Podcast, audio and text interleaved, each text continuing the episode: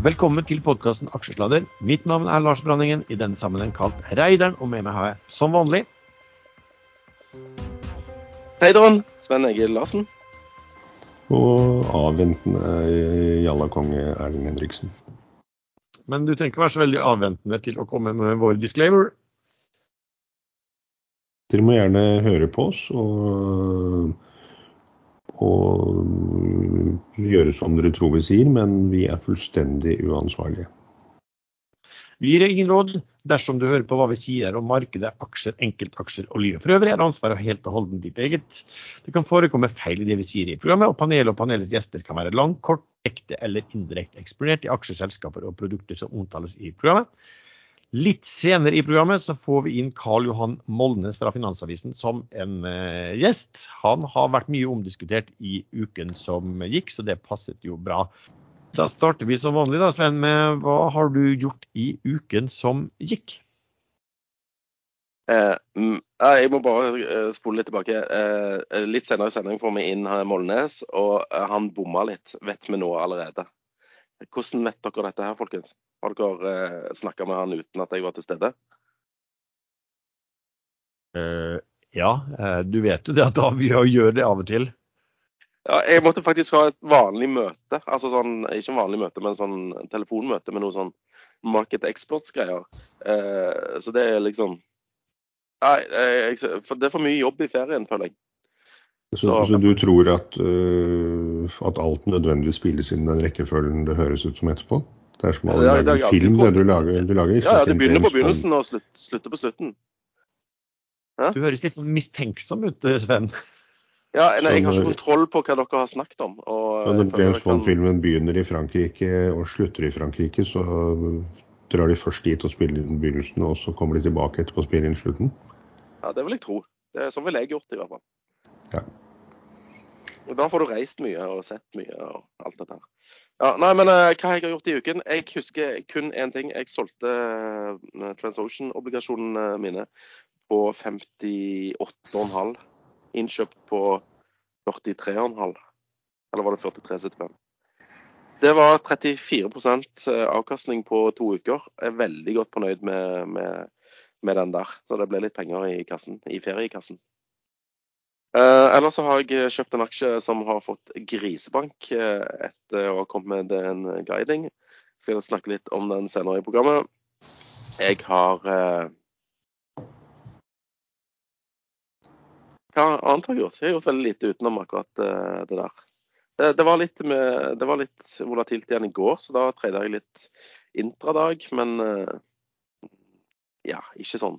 Ikke noe å skrive hjem om, føler jeg. Erlend, hva har du gjort? Jeg har ikke gjort eh, noen ting annet enn å eh, ligge og holde meg fast i sengen og svette og være sjuk og synes synd på meg selv. Fikk eh, enten influensa eller korona eller apekopper her i, i helgen, så Apekopper er vel muligens synlige, da? Ja, jeg har ikke sett dem ennå, så det, det, må være apekopper light i tilfelle. OK. Uh, for, for min del da, så uh, starta uken egentlig veldig bra. Jeg så jo at denne Nordic Nanovektor, der var det jo galskap, og, og kursen steg eh, voldsomt. Og da tenkte jeg OK, fort gjort at sånn greed og kjør i sånne gjør at andre uh, biotekselskap også får det samme. Så da gikk jeg inn og kjøpte både PCIB og Targovax. Ehm, som ble en bra kjapp trade eh, på, på, begge to, og kunne absolutt holdt eh, de lenger og tjent eh, mye mer, men, men greit nok. Og så har det også kjøpt noe Kyoto, som også steget ganske klart da, i løpet av uken. Årsaken der var vel egentlig altså Jeg kjøpte så veldig mye av det, for jeg har jo snakket om at jeg vil holde meg til i hvert fall likvide, i hvert fall ikke større poster i lite likvide. Men der var det en sånn eks-gründer som nå han har jo solgt aksjer jevnt og trutt i hvor mange måneder? Det er i hvert fall siden i fjor, tror jeg. Eh, og han så han nå plutselig hadde så ut som han hadde solgt ut mer eller mindre sitt siste. Hadde i hvert fall veldig lite igjen. Forsvant ut av topp 50. Så da tenkte jeg at det ofte kommer en sånn rekyl når noen som har solgt og solgt og solgt og solgt, alle sitter stille. Og til slutt, når den går omtrent tom, så kommer det ofte en rekyl i, de selskapene. Så den tror jeg plukka på, på ganske lavt 17-tall, og den er vel 20 nå. Men så um, var jeg litt travelt opptatt i går med andre ting, og det var jo kjempesmart. For jeg fant ut at jeg skulle kjøpe aksjer samtidig, så jeg endte med opp å kjøpe eh, Norwegian eh, tidlig etter tall. Eh, har ikke vært noe suksess, for den har jo falt da fra rundt 10,50 og ned til rundt 10 blank nå. Og så var det en aksje som ble fullstendig knust i går. Og den kjøpte jeg også en, en del av. Ehm, kjøpt mer i dag. Jeg mistenker at det kan være den samme aksjen som Sven skal snakke litt om ehm, senere, så da trenger jeg ikke si så mye mer om, om, om den akkurat nå. Illuminati. Okay.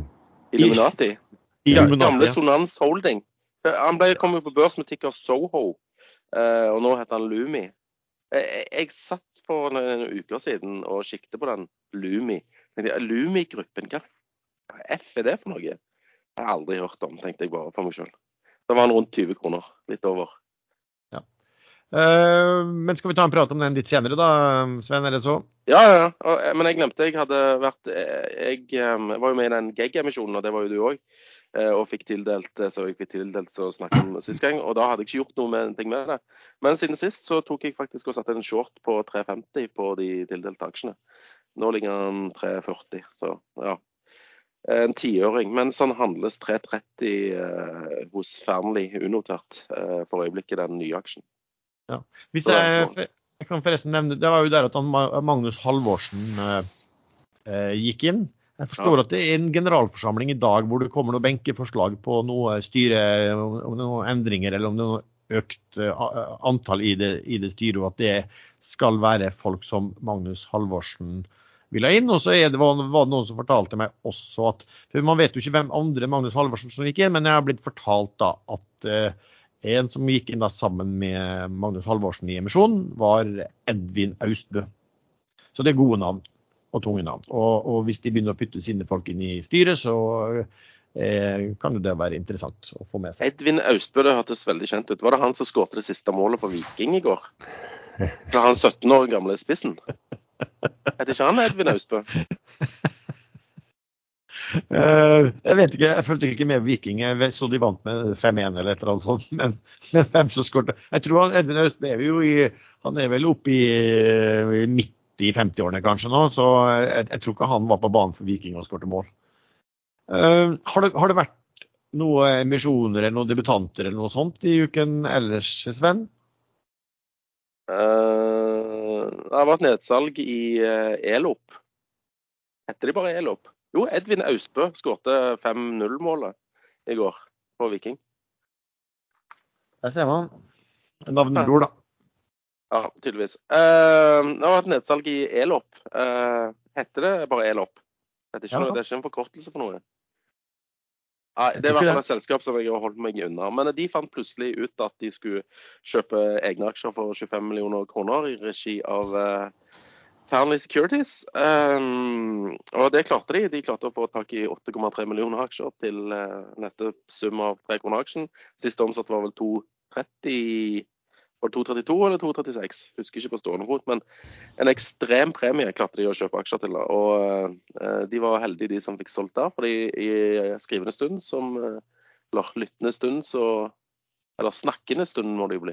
Er han 248,5. Så det var jo jeg tror, de har kjørt både, kjøpt tilbake aksjer både i mai og i juni også. Ja, jeg tror det er noe som sitter litt støkk der, som kanskje har vært litt sure. Så da, dette er vel kanskje et lite plaster på såret til de som er, er oppegående nok til å følge med og klare å ta en telefon til et meglerhus og, og selge på tre. da. De gikk vel på børs på rundt fem kroner, var det vel, i juli 2020. Og nå ligger kursen på 2,50, og den var oppe på 8,40. Det ja. selskapet har jeg holdt meg langt unna helt fra de kom på børs. Uh, det er ikke så veldig bra historikk på en av de involverte i ledelsen. Jeg har egentlig ikke lyst til å nevne navn, for det kan de fleste google seg fram til selv.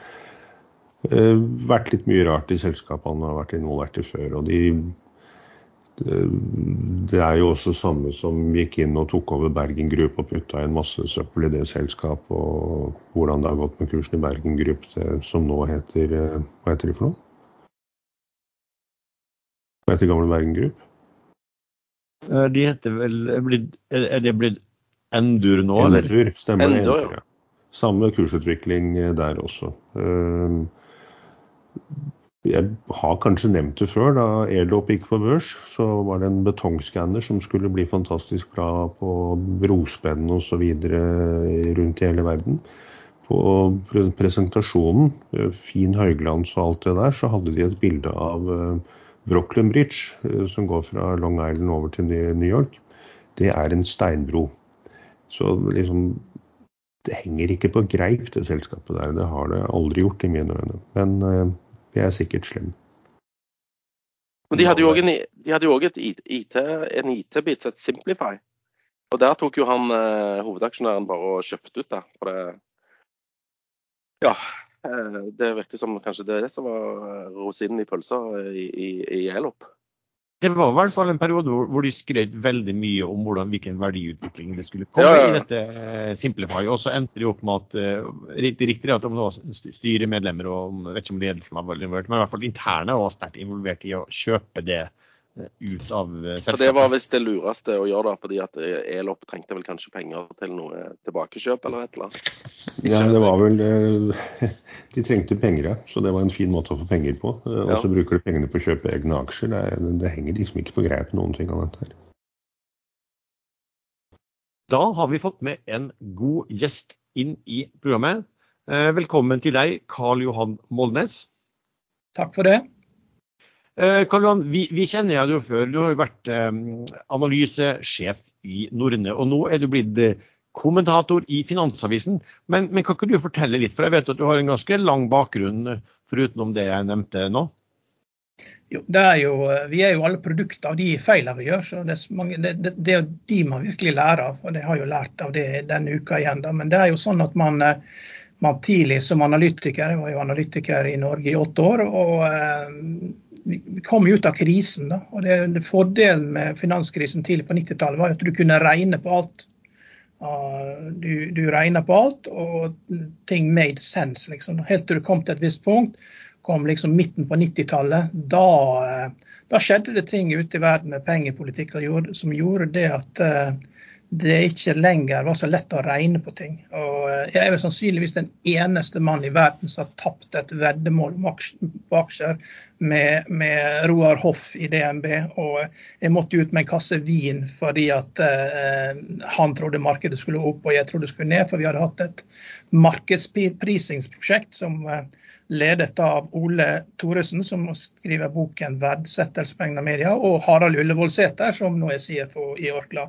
Og vi, Da hadde vi regna ut, da, vi idiotene, at hva markedet skulle være verdt. da. Og, og det var jo det er siste gang at jeg virkelig bare, bare regna på noe. For da skjønte vi det at det, det ikke gikk for det, som Roar Hoff eh, helt elegant sa. Men hva om renten går ned, da? Da går jo markedet opp. Og han hadde helt rett. og Tre måneder senere så måtte jeg eh, fram med en kasse vin til Roar Hoff, og det var fullt fortjent. for da, altså det er Uansett hvor mye rett man har, hvor mye man tror man har rett, så, så har man av og til feil. altså. Det er Sånn er bare livet. Men med den kunnskapen da, så var jeg jo helt klar for eh, TMT-bobla. For jeg var jo helt fleksibel, og det var jo veldig nyttig. For da var jeg i USA og var midt oppi det. Og fikk jo også med meg både TMT-bobla, vi jobbet jo for uh, Flemming Aros og Meritabanken, topprenkede Notkia-analytiker i Finland. Og Stanley Druckenmiller til, til, til Finland. Med, begynte med tre mann og endte med 70 eh, i desember 1999. Det var helt utrolige tider.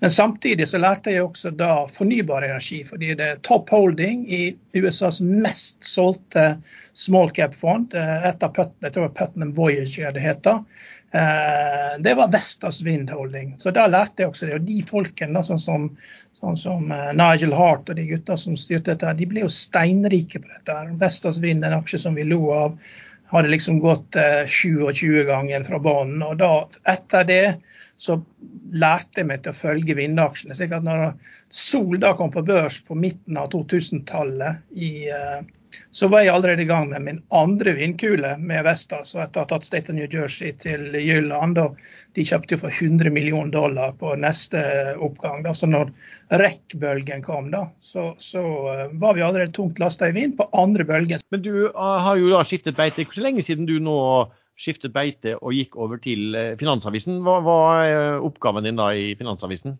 Det er, å, det er, å, skrive kommentarer, samt å Vi skal i gang med et nytt TV-program. og Det blir, heter Børsmånen. Så fra neste uke kanskje allerede, så begynner vi med sendinger. og De vil gå fra fem på ni til halv ti.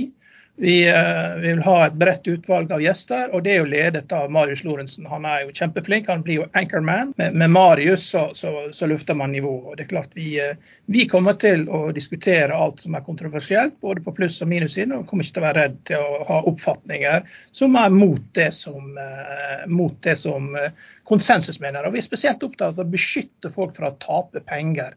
Og der er jo rekkeaksjene har jo vært en, vært en så det er, det er, så mange. Altså, har, I Norne så vi drev en stund med privatkunder også. Det kom jo inn ingeniører som hadde solgt en virksomhet og sa de skulle investere alt i solenergi, for det trodde de på. De hadde solgt en virksomhet og da skulle de kjøpe alt i rekke, og spurte gjerne om de kunne få låne 50 i tillegg. Så at de at det, dette her er ikke noe lurt. Det er bedre å gi pengene til Frelsesarmeen, for du kommer til å tape alt. Så fikk vi heldigvis prata de ut av det. da, Så de, de, de pengene hadde blitt tapt hvis ikke det. Så det, det er så mange folk som har så veldig bastant oppfatning om hva, hvilke aksjer som er gode å investere i, på tross av at de ikke kan noe om selskapene. Altså, du, må, du må se på liksom, kapitalavkastningen. Og, og, eh, Vi er jo dessverre sånn i Norge at vi er en råvareøkonomi og, og bygd opp med service rundt råvarer. Og Det betyr at eh, alle bankene og alle meglerapparatene vil, vil aldri komme bort fra det at det vil være, det vil være veldig mye kapitalintensive investeringer. Som vi, men men vi må ikke glemme det at det de beste avkastningene de får vi der du eh, klarer å vokse uten å gjeninvestere av kapital. Og Nå begynner vi å se effekten av det. Se på Nordic Semiconductor, se på Schibsted, se på Adivinta. Eh, se på hvilke enorme verdier som er skapt. Ja. Men, men, du, eh, som sagt, vi skal komme tilbake til en del ting der. Ja. men det er jo noen ting som etter de siste dagene veldig, veldig mange lurer på omkring deg. Og det er hva gjorde du og Erlend Jallakongen i Batman-drakter i Vilnius?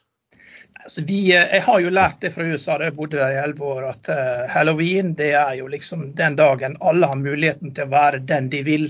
Og i, i Norge så er det dessverre altfor få sånn der uh, det, det, det, er ikke noe stort tilbud av utkledningsdrakter, men det er noen som syns det er gøy. og jeg har jo tatt med hjem dette her fra USA, hvor vi, hvor vi kjørte Segway og med Supermann og, og Batman-drakter med, med, med, med, noen finske toppledere. Og, og De syntes det var kjempegøy og beste dagen de har hatt i hele sitt liv. og eh, Tenkte å prøve det samme. og når vi hadde seminar i Vilnius, det var siste seminar vi hadde, så kjøpte jeg inn tolv Batman- og Supermann-drakter og fant ut av hvilke tolv som kunne være med ut på Vilnius på dagtid. Eh, og, kjøre da sånn elektrisk eh, sparkesykkel med drakter rundt om i byen. Da. Det var jo en mann som sa det at jeg har aldri blitt tatt så mye bilder av siden jeg var gift. Sant? Så det var siden jeg sto brudgom. Så det, det, er sånne småting som man kan gjøre som er veldig gøy. Og, og eh, Det var jo ikke bare Erlend og meg, det var mange som hadde eh, Batman- og Supermann-drakter. og det, Man må gjøre litt sånne ting som det der for å ha det gøy. Vi hadde med oss bl.a. CFO i,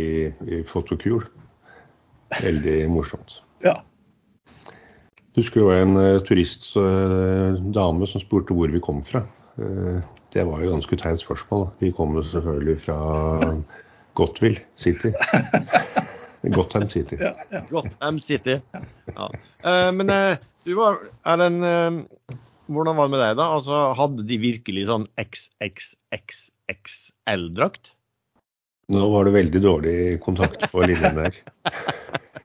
du, nei, Karl Johan. Altså, nå er det jo da, Du har vært eh, skal vi si, eh, eh, kontroversiell da, de siste dagene, hvis vi sier det litt mildt. Spesielt blant ganske store retail-grupper. Når folk hørte at du skulle stille opp i dag, så var det vel én ting de sa. At du, de ville at du skulle stilles til veggs, mente de. Og det var på grunn av var det vel egentlig de mente. ja, det var, det var det var nesten sånn å skulle saksøke og litt sånn der. Eh, Pga. en eh, artikkel som eh, dere fikk publisert i Finansavisen. Hva, hva, hva, hva som, hva gikk galt, for å si det sånn? Nei, det, det, som gikk galt, var jo at uh, det fikk feil bilde, feil vinkling, feil bildetekst. Og uh, den balanserte artikkelen som jeg hadde skrevet, også inkluderte han, og den ble, ble choppet. og det, det, Jeg har bare jobbet med dette i én uh, måned. og jeg mitt bildeforslag med en panda på en vippehusk, det blir skutt ned. Så jeg må liksom, jeg må stå opp for min rett. Men det viktigste er at jeg må unngå å gjøre feil. Og, og, det er fortsatt sommerferie, og der vi hadde vel det er jo alltid sånn når man skriver artikkel at man går og snakker med, med andre som får lese gjennom ting. Da, da fanger man opp feil. Da. Og her var jo liksom Det var skeleton crew og sykdom og, covid og to uh, industrianalytikerne på ferie. De kommer tilbake neste uke. Så, så det ble det kjempetabbe. Så det, det, må, det, det, må, ikke gjenta seg. Så det, ja. Sånn, ja. eh, til ditt forsvar kan man kanskje si at kommentarene om at du var i Finansavisen i forkant, det var utelukkende positivt. Det var at Finansavisen hadde blitt mye bedre etter at du kom osv. Men eh, dagen etter den REC-premien så kom det en kommentar. Molnes har noen poenger i ny og ne, men det er jammen en klokke som ikke går også. Jeg, må, jeg, må, jo si det at jeg har fått veldig mange hyggelige e-poster. Men det var, det var mest før den REC-saken.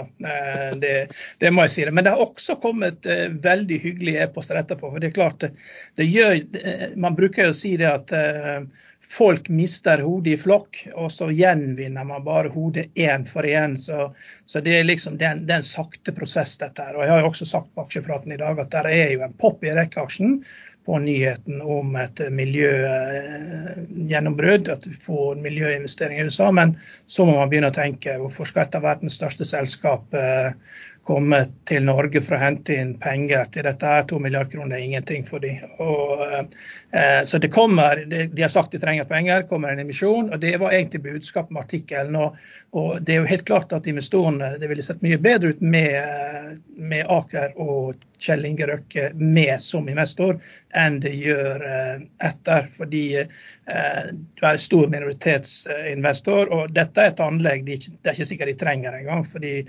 etter polysilikonprisene gikk til himmels i 2008, så bestemte jo bare kineserne seg for totalt dominere markedet og, Men, dumpe prisene. Karl det stemmer. Ja. Og Hvis man ser tilbake på REC, så ser man jo en forferdelig katastrofe av et selskap. Den startet vel på rundt 100 kroner og gikk til, eller kanskje enda lavere, og gikk til eh, over 300 kroner. Hvis man eh, korrigerer det for eh, spleiser som har vært og emisjoner som har vært, så tilsvarer det 1,45 millioner kroner per aksje. Så de som har da sittet, kjøpt seg inn på toppen på 300 kroner eller rundt der i 2007, de har gått fra 1,45 millioner kroner per aksje ned til 20 kroner, som er dagens kurs. Så at katastrofen har vært total, det er, helt eh, over, det er jo ikke noe tvil om, og med begrunnelsen du gir nå. Men det du glemmer i argumentasjonen din, som jeg i hvert fall ikke har sett ennå, det er at USA har annonsert at de skal lage et lukket indre marked for solindustrien.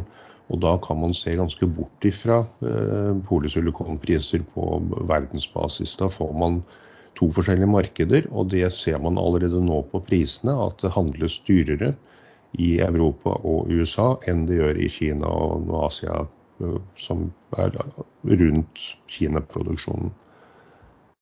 Eh, til det har jeg å si at det liksom første spørsmålet da er will it scale? ikke sant? Vil det bli noen størrelse på dette? her, og Jeg har veldig liten tro på at eh, det blir et stort eh, marked i USA som har priser som er eh, over eh, den laveste prisen du oppnår i verden. Det, det tror jeg ikke noe på. Eh, USA er veldig kapitalistisk, har veldig lave bedriftsskatter. Så det må være realistiske antakelser. Du får ikke, Tyskland er ikke Europa. Du får ikke en situasjon som du hadde i Spania og Tyskland, hvor det, eh, blir masse subsidier eh, til aktørene. Det, det er, eh, og, og, Man kan delvis oppnå det ved å ha tariffer på import, eh, noe de har mot Kina. Ja. Men du ser, du ser, når det virkelig er noe som gjelder, så, så satser de sånn, på den 500 milliard kroner til semiconductors. Fordi da var de kommet så langt på etterskudd. De fant ut at Taiwan Semiconductors de leverer 75% av halvlederne som militærindustrien trenger. Og Nvidia dominerer fullstendig grafikkort og, og semiconductors for, for, games, som er et annet um, segment som er i Det er også som blir brukt i militæret, som er i vekst.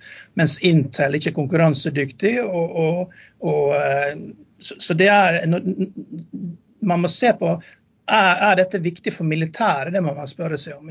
Hva, hva er Eh, de tre tingene USA er god på, det er eh, det militæret, og så er det de eh, teknologiselskapene, og så er det universitetene.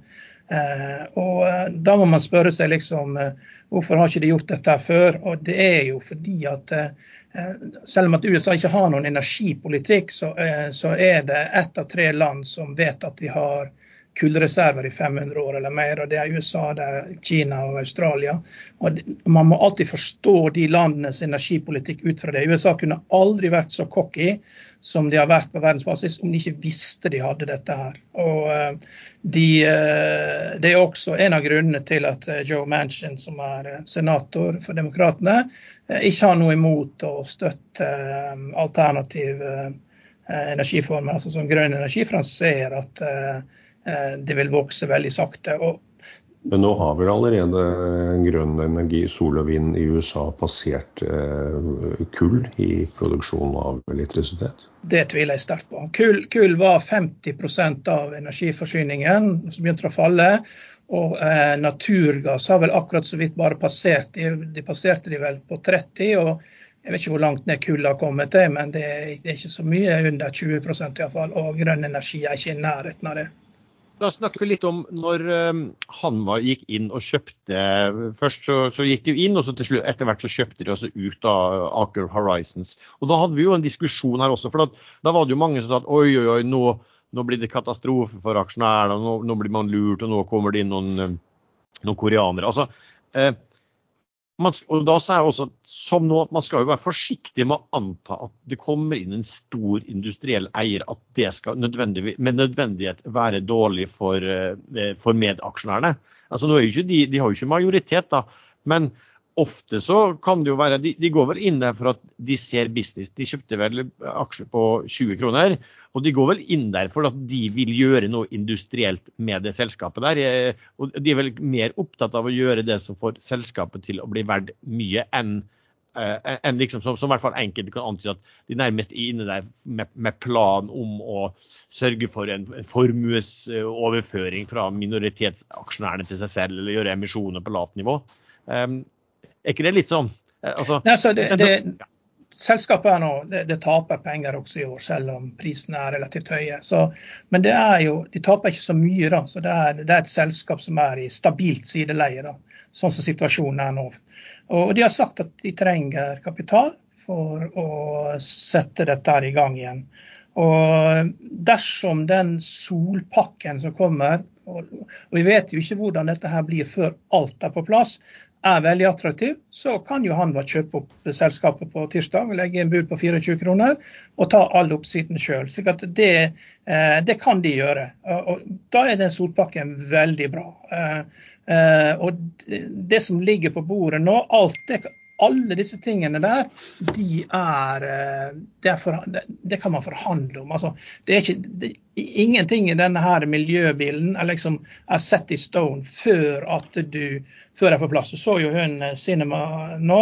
Hun fikk jo ut noe, tok vekk liksom skatteøkning på hedgefond på 15 eh, milliard eh, dollar, eller hva det var. Det var, så det var, det var ja. Så det, dette forhandler de om, linje for linje, helt til alt er vedtatt. Og så skal det gå i begge chambers.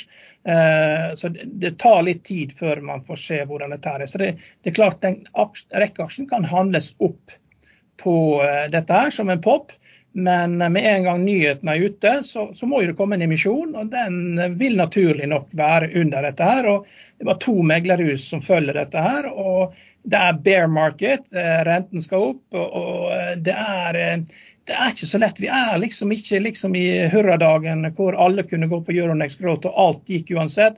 Nå sitter det folk med kalkulator og, eh, og eh, regner på alt. og da, liksom, da, kan man ikke ha den der holdninga som er fra den kjente filmen 'So you're saying there's a chance'. ikke sant? Den, eh, jo, men, jo, men hva du har ja. han var? Ja. Det er en knallstor, sterk industriell. Du, du, du framstiller jo nesten det som at de ikke skjønner noen ting hva de har kjøpt enda de jo, er jo. Altså de, For de er jo, hvis det no, hvis, men hvis det er noen som har en kalkulator, og som kan markedet, eh, så er det jo de. Men de, trenger, de har, har Q-cells med produksjon i Georgia. Og det er klart, Hvis ting skal gå helt galt, så har de sikkert leveringsavtaler som de må overholde. Og Da eh, blir det viktig for de å aktivisere dette her uansett.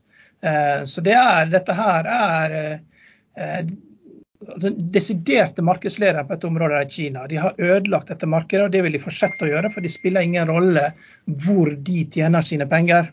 Eh, og, og, de satser på sol. For Kina så er sol viktig. Eh, så det, man kan lage veldig mange scenarioer der, eh, der det blir problemer med Kina. Men hvis det blir virkelig problemer med Kina, så er i alle fall ikke sol en industri man prioriterer. Så jeg, jeg syns bare det at det, det er begrenset oppside i, i, forhold til uh, den risikoen man tar. fordi man kan igjen lett tape alt uh, nok en gang. og Jeg vet ikke hvor mange ganger man har gjort det. Men man, man, man forstår at det er ikke risikofritt, selv om at de kan levere dette til seg selv. Nei, det er Fair enough det. og Personlig så eier jeg jo ikke aksjer nå, men jeg, kunne, jeg skjønner veldig godt de som Eh, de som gjør det. Men du, du nevnte noe annet. Eh, skal hoppe til videre til et annet tema utenom REC. Du nevnte at vi er inne i et bear market rally. Er du sikker på det? Ja, det er jeg rimelig sikker på. Uh, så det, det er Federal Reserve de har sagt at de skal få ned inflasjonen. Og inflasjonen den og Det betyr at de må øke rentene ganske fort. fordi at hvis, det, hvis inflasjonen smitter over i lønnsdannelsen, og at du i tillegg til har veldig høy, høye inflasjon for bolig, boligkostnader i USA, så blir det enda vanskeligere. Så det er veldig viktig for dem at de, uh, de fortsetter å klemme til, fordi at inflasjonen kommer ikke ned av seg sjøl uh, uten at arbeidsledigheten går opp. Og eh, vi, vi, har, vi, har, jo sett denne filmen før. I 2000 så, så var det Sommeren var relativt bra. Men så, eh, så kom da eh, så kom EPS-kuttene e utover høsten. Og et store selskap det andre kvartalstallene er vel omtrent ferdig skrevet for det i første kvartal, så de store selskapene skal ikke man stole så mye på. Men når du kommer til tredje kvartal, så, så må man rette opp og få ting på plass. Så det, er, eh, så det er rett og slett for stort sprik mellom eh, inflasjonsmålet og inflasjonen.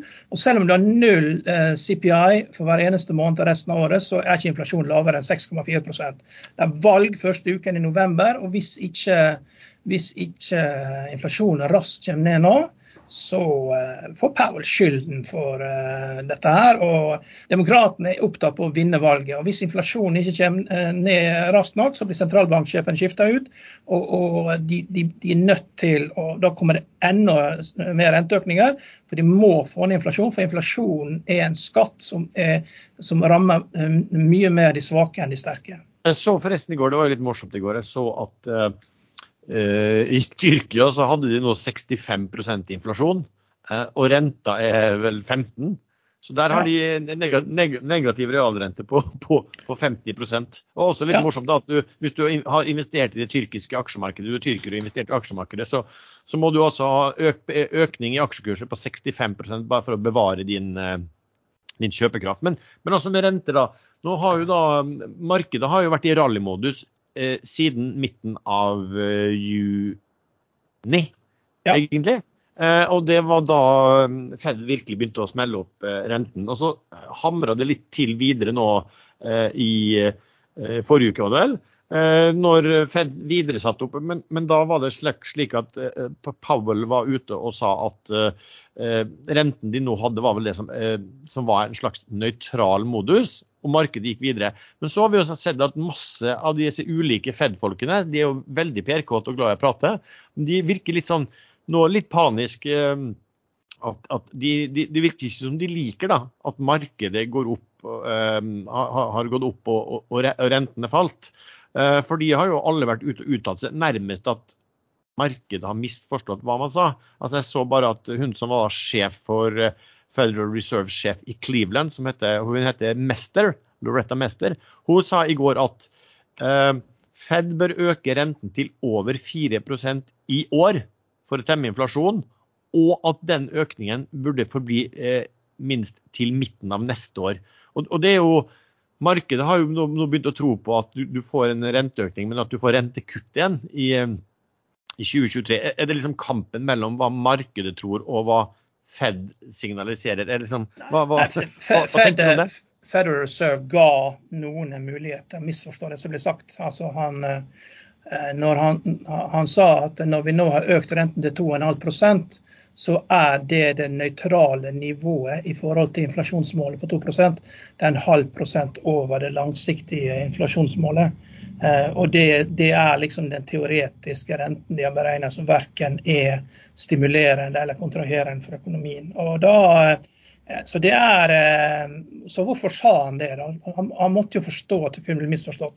Men det, det kan bli, veldig fort bli sånn at nå, nå, er det ferie i USA, og de snakker sammen. De Eh, når de kommer tilbake igjen eh, før neste Fed-møte, så vi har to inflasjonsrapporter. Det neste er nå 10.8, og så kommer det en til i midten av september før det er Fed-møte i 21.9. Men, men eh, de arbeidsledighetstallene som vi får nå framover neste måned, er ikke så viktige. For det er inflasjon som er viktig nå om noen måneder. Og, og, så vil det bli viktig å følge arbeidsledighetstallene, men du får ikke, du får ikke noe eh, rentenedgang med, med indeks på 4500 og full arbeidsledighet. Altså. Så eh, det, det, er for, det, er for, mange ting som det er for mange alternative virkeligheter der ute, og det er jo dumt. da, fordi at det Går markedet opp, så, så skaper jo det det motsatte av det de ønsker. Det, det får jo ikke ned inflasjonen. Nei, ikke sant. Og de, de, altså, når folk føler seg rikere, så fordi at eh, aksjekursene og, og, og liksom aksjebeholdningene stiger i verdi, så er man jo tilbøyelig til å kunne bruke mer penger også. Noe de ikke er ute etter. Men eh, la meg si det sånn, da. Hvis du er sikker på at det her er et bear market rally, som betyr, altså Bear market rally er jo da kjent for å være hva skal du si, hissige. da, at Det er vel sånn at rally under bear markets, sånne enkeltrally, stiger mer enn hva de gjør under, under bull markets. Eh, når bør man da gå ut? Eh, nei, Man bør jo være ute nå. Eh, men det er klart man må jo ha en balansert eh, eh risiko til dette. her. Alle må jo snakke med en finansiell rådgiver og finne ut hva som er riktig for seg. Det, I Norge så er jo ikke aksjemarkedet det viktigste. I USA er det mye viktigere, for at folk driver og styrer pensjonene sine sjøl.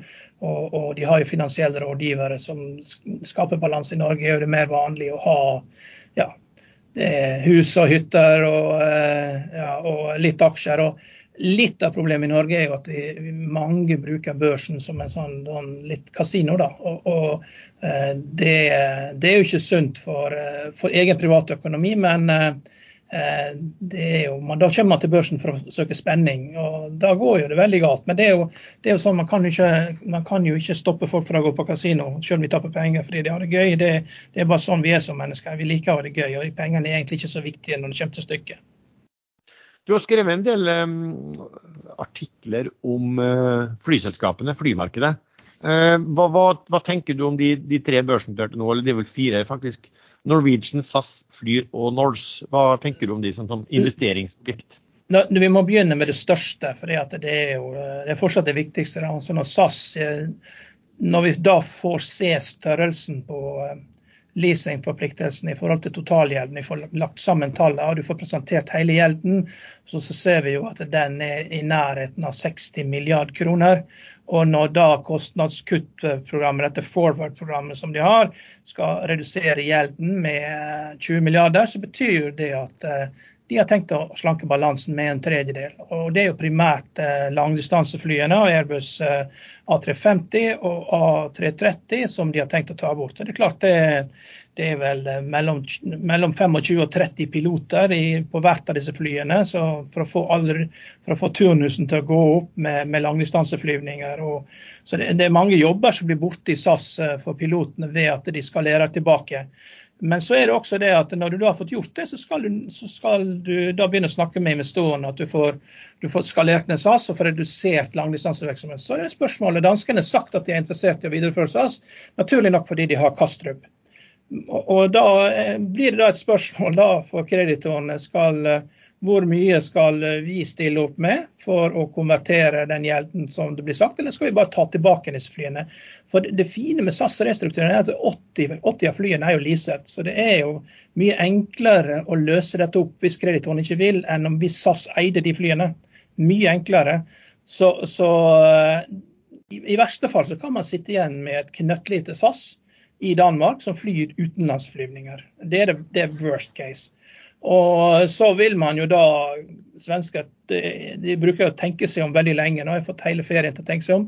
Og det er mulig de også blir med på et selskap som driver med langdistanseflyvninger. For det er Wallenberg-selskapet. Jeg har selv jobba for et Enskild der Vi fløy om med, med, med, business med SAS hele tida. Og eh, det, det, de har med 100 000 ansatte i Eriksson. De er overalt i hele verden. De har Atlas Copco, de har Sandvik, de har og industrien. Sverige er en, en, stor, en stor global industrinasjon i forhold til størrelsen som er på landet. Så det, eh, det, er vanskelig å tenke seg at altså har de adelsfolk der, det er veldig vanskelig å tenke seg at de skal ikke ha sitt eget flyselskap i Sverige. Det er, jo tross alt et av de jeg tror det er bare åtte land som lager, som lager jagerfly. Hvorfor skal ikke Sverige ha, råd å ha sitt eget eh, flyselskap? Og da, Worst case igjen, hvor, hvordan skal man lagre dette til? Da kan du se på Finner, hvordan Finner har fått dette til å gå ved å si at ok, dette er kanskje ikke noen fantastisk investering. Da går den finske stat inn med en tredjedel, og så er det forsikringsselskaper og indeksinvestorer som eier resten. Og Så får man det til å gå i break-even, og det blir som en slags uh, obligasjon. Og, det, for det er, det er, veldig vanskelig for alle uh, stakeholders å, å, tjene penger på fly. Det var ett, var tidspunkt i hele historien for flyhistorien at alle har tjent penger som har vært involvert. og Det var i USA før pandemien, men den som måtte betale da, det var passasjerene. Det var da var billettprisene veldig dyre. Det, kostet, det kunne koste 2000 dollar å fly liksom fra Chicago til Austin innenriks med en to, to timers rute. Så eh, det er veldig vanskelig eh, for alle å bli happy. Eh, og den som da ofte sitter igjen med regninga, det er eh, aksjeinvestorene. For alle andre er veldig kravstore og lager mye bråk. Eh, så, så det, er, det, er, veldig viktig når man er i flybransjen at man unngår altfor hard konkurranse. Det skulle du være, Det Da alle snakket om at den eh, gamle Norwegian skulle bli kjøpt opp, litt rykter i spanske aviser og litt sånn, eh, og kursen gikk vel over 400 kroner. Da var du hele tiden skeptisk og hadde kursmål langt under og fikk mye pepper for det, men du fikk jo til de grader rett. Det, gjelder, det, hjelper, jeg bruker å si det hjelper å lese et par utenlandske aviser. og På den, på den tiden, rett før at oppkjøpsryktene begynner å komme, så holdt det på holdt uh, Sion i uh, Air France han hadde stilt et krav uh, til fagforeningene i Frankrike som de måtte innfri. Og hvis de gjorde det, så ville Accor komme inn og ta over den franske stats aksjer. De største aksjonær. Og Det er bare ett flyselskap i verden jeg har flydd med hvor at maten har vært god på economy class, og det er Air France fra Paris til, eh, Paris til New York. Og eh, de er også utrolig gode på luksusvarer, de er utrolig gode på hoteller. Og jeg tror det at Hvis du ser flykonkurransen ute, så helt i vest så har du International IAG med British Airways Iberia, så har du Air France KLM i midten, og så har du Lufthansa. De tre konkurrerer, og de følger veldig nøye med hverandre. Og jeg tror det Når Norwegian da var på vei å gå konkurs, så tror jeg det at Air France, nei, tror jeg at British Airways og eh, eh, Iberia, altså de, de, de, spanske flyselskapene, de, de som er IAG, så det som en trussel at det skulle komme et sterkt Air France og som da fikk kjøpe opp eh, Norwegian. og eh, Da vil ville de kunne bli en veldig alvorlig konkurrent i London. fordi det å linke sammen billig frakt, og også da med hospitality, som franskmenn er gode på, det ville forandre markedet. Men det er bare, jeg tror det er bare franskmenn i Europa som klarer å gjøre dette. Eh, det, jeg vet ikke om noen britiske hotellkjeder eller tyske hotellkjeder som har samme finesse. Altså Hvis du reiser rundt på et Novotel, uansett hvor du er, om du er i en liten by i Frankrike eller du er i en hvor som helst, de Hotellene ser jo helt make ut. Dette kan de, og de kan også og fritidsdelen av dette. Så, det, det, det, så, så jeg tror det at de, et, de kjøpte de aksjene og satte ut et rykte for å få opp prisen, slik at det Air France eh, ikke skulle få kjøpt det billig og så plutselig så det ble jo dette Han sier gikk jo av, og så var trusselen borte. Og Siden har bare France eh, fortsatt å ødelegge for seg sjøl. Så det er jo ganske vanlig for flyselskap. Hvis vi kommer tilbake igjen til, eh, til, Norge, da, så det er klart Norwegian har jo vært helt fantastisk flinke med å, eh, med å forhandle seg fram til gode avtaler med flyleasingselskapene. Det som Geir Karlsen har gjort, er en finansiell operasjon der de bare betaler for de bruker flyene. Så har de også kjøpt 50 nye fly fra Boeing, og har jo 2,2 millioner passasjerer nå i, i forrige kvartal. Så, så, så, Norwegian det er jo liksom nok en gang da de siste skal bli de første. Norwegian er jo i ferd med å bli seile opp som å bli selskap nummer én i Norden. Og, og, og, de bør jo ikke håpe at SAS blir helt borte. Det er jo bedre å ha en dårlig konkurrent enn at de blir helt borte. Men og, ja. Eh, akkurat det kan faktisk skje nå. Det er vel i dag eh, at eh, pilotavtalen skal være i uravstemning. Eh, hvis piloten stemmer nei, som ikke er helt utenkelig, eh, da blir det ny streik fra 11.8. Og da vil jeg tro at SAS-ledelsen eh, dropper chapter 11 i USA og på en eller annen måte konker selskapet som det er i dag, og driver det videre på en helt annen måte. Ja, og Det er jo en gigantisk mulighet for, eh, for Norwegian og Flyr også. Vi ser på dagens kvartalsrapport som gjennombrudd for Flyr, for det er veldig mange som har blitt tvunget til å prøve Flyr. Og alle som har gjort det, de har vært eh, positivt overraska. Jeg bruker det jevnt. Eh, prøver å fly likt med alle flyselskapene for å se hvordan, hvordan det er. og Flyr er veldig bra. Det som Flyr har, da, er jo at de Eh, de har en veldig erfaren ledelse, med tidligere Bråten Safe-ledelsen som hovedaksjonær, eh, med Erik Bråten som eh, en av hovedaksjonærene. Det er klart De kan jo dette markedet, og de vet jo nøyaktig hvordan folk i østlandsområdet ønsker å fly. og det de flyr vel et sted mellom 20 og 25 destinasjoner i Middelhavet om sommeren. Flytter de opp til storbyer og skidestinasjoner på vinterprogrammet. Eh, samtidig som de dekker eh, en del av de viktigste norske byene. Men hele tida med at de flyene typisk starter i Oslo om morgenen og returnerer tilbake igjen til basen. Dette har jo de lært av både Ryanair. Og Vi ser at eh, du starter og flyene, og, og, flyene starter og kommer tilbake på samme sted. Sparer helt utrolig mye penger på det så lenge man flyr korte ruter. Og, og, det er klart at det det selskapet som kan få størst vekst ut av SAS sine problemer, det er jo Flyr. Og, og eh, det, de vil jo kunne Jeg vet ikke om det blir sånn at vi tar over nøyaktig For det er klart, Den første slankingen av SAS det er jo, det er jo stor del. altså Når de reduserer balansen med en tredjedel, så er jo det de største og de dyreste flyene som ryker først. Og, og, eh, det er klart Kommer det nok egenkapital inn, eh, så kan SAS bli en sterk konkurrent, men, det er det er, flymarkedet er så sterkt ute, ute. Tyskerne har syv uker ferie, og du vet når du, eller du har jo vært i Tyskland. Det er jo ganske deprimerende å være der. Du ser jo ikke sjøen. Det er et stort land. Med, så du har jo lyst til å reise hele tida. Regn og tåke. Selv om ja, det er mye dårlig vær i Tyskland, da, bortsett fra eh, når det slår til med sol og litt om sommeren. Men det er ikke noe sånn fantastisk varme. Så de, de liker jo å reise. Så det, Lufthansa-aksjen var denne uka opp en dag med 6 Jeg kan ikke huske når det sist skjedde. Eh, sjefen til Lufthansa, selv om at piloten truer med streik, er veldig optimistisk.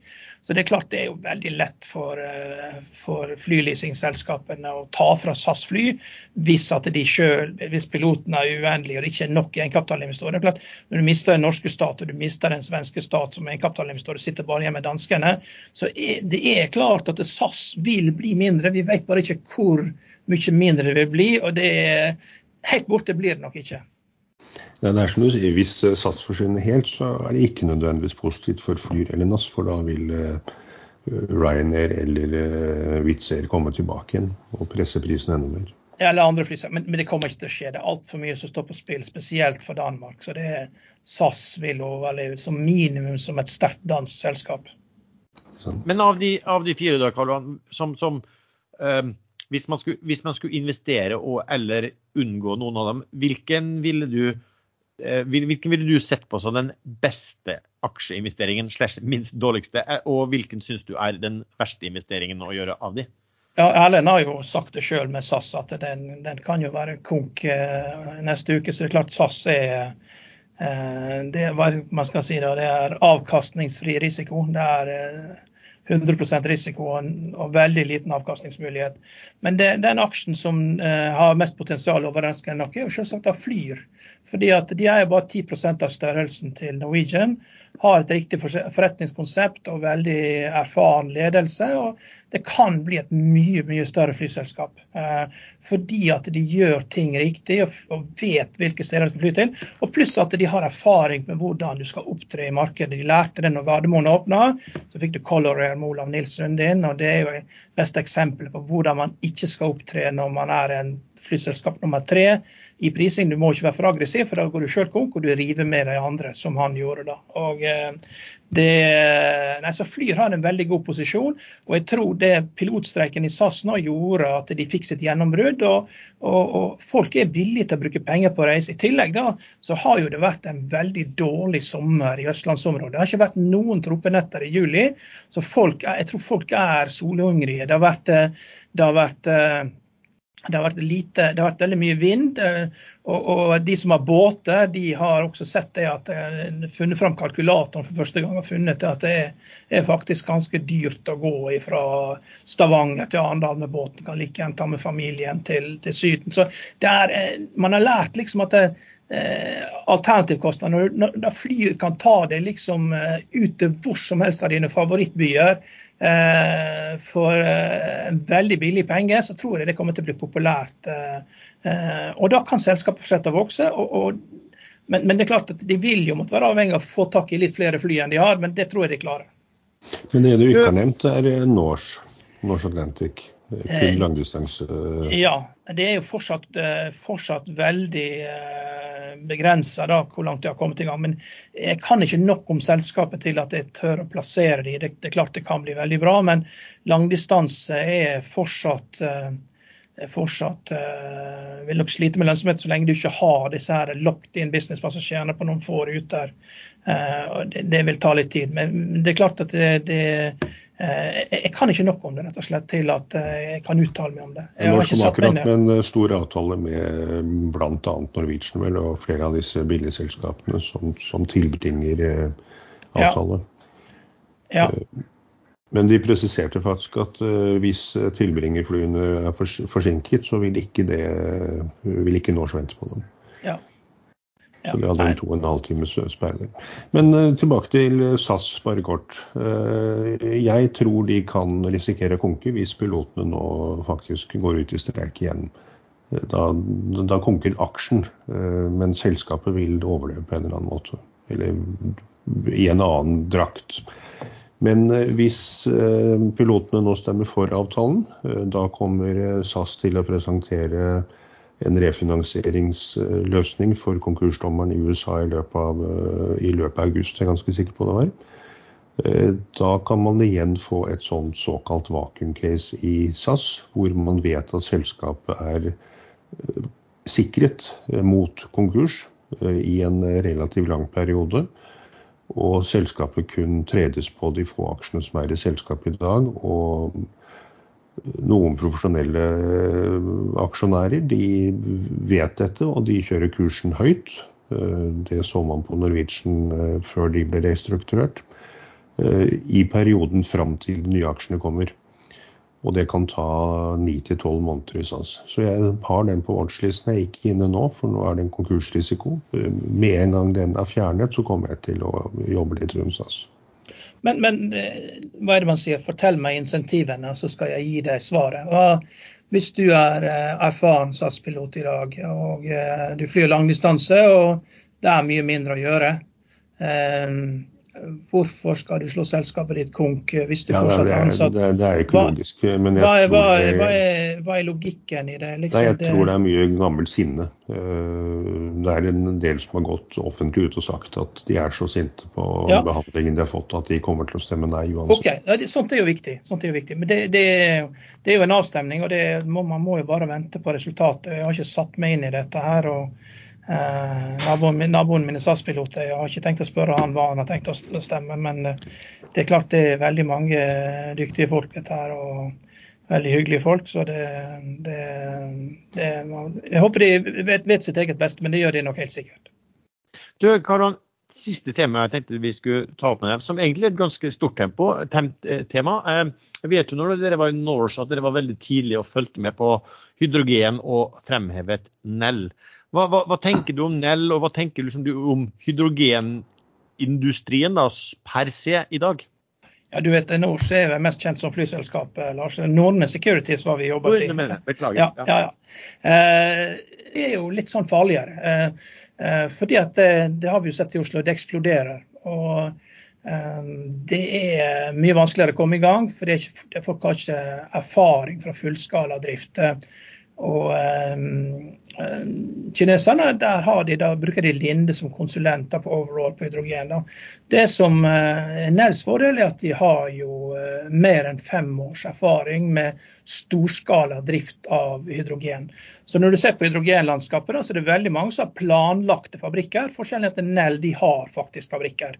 Og når de fikk den kontrakten, eh, de fikk den kontrakten eh, i USA med en ukjent eh, kunde, så ble det nettopp dratt fram at de hadde erfaringen. Dette er fortsatt veldig lite, og, Nell vil aldri alene kunne bli et stort og dominerende selskap. Men de som eier, de som står bak Clearstream, og de er ikke tyske retail-investorer, det er jeg helt sikker på. For da hadde vi hatt mye mer trafikk på våre websider her eh, hvis det var tyskere. Så, så dette her er noen store kapitalinteresser, eh, og eh, noen bør finne ut hvem som står bak. For ved et eller annet tidspunkt så dukker de opp, og så tar de dette her, og så eh, skalerer de opp, og så får du hydrogen industrielt der eh, du har, eh, der du har eh, sånn som hybrid fossilfritt stål.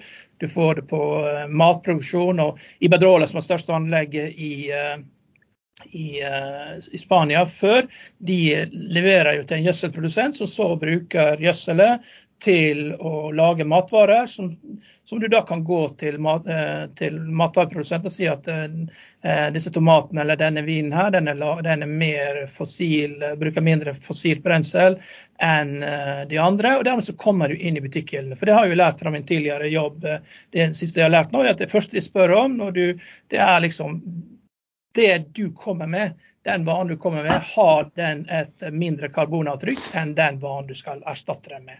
Så, så Nell, Nell har altså, med litt flaks, men også samtidig sånn der norsk stå-på-vilje, klart å ta vare på en eh, historisk fordel og gjort det til en vinner. Så er spørsmålet hvorfor, hvorfor, hvorfor gjør ikke Yara dette her som Iberdrola har gjort? Hvorfor gjør ikke Statkraft det? Jo, det er fordi at det, det, det anlegget da, som skal produsere grønn hydrogen eh, i eh, i, eh, oppe i, i Glomfjord. Du kan ikke bruke det inn i norsk matvareindustri og, eh, og, og for å få ned karbonavtrykket. Du får ikke mer plass i butikkhyllene i Norge av den grunn. Så dette er en europeisk eh, greie på det Iberdrola gjør.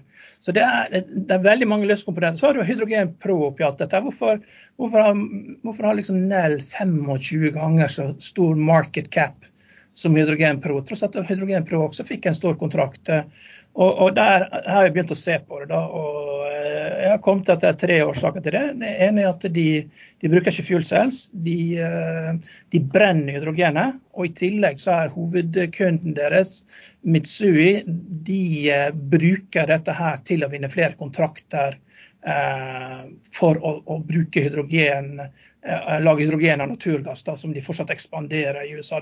Og så er det produksjon i Kina. Det er de tre grunnene jeg har sett til at eh, selv om Hydrogenpro har samme kontraktene som Nell, at eh, Nell er eh, 25 ganger så stort eh, som eh, og Det er for at Nell er nummer én, og det kan skaleres. Igjen, tilbake til spørsmålet will it scale? Will it scale? Og, det er eh, nøkkelspørsmål på alle investeringer. Nell, det kan skaleres. Og da er vi tilbake til dette. Hvorfor er norske analytikere så, så negative til Nell? Jo, det er fordi REC-aksjen har jo ødelagt de.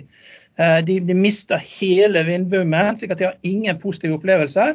Så det er omtrent som at hvis du, så får du rekk, da, og alt går jo på trynet. og Det er bare noen få som skjønner det og salgsanbefaling. Alle andre løper etter med kjøpsanbefaling, helt forvirra.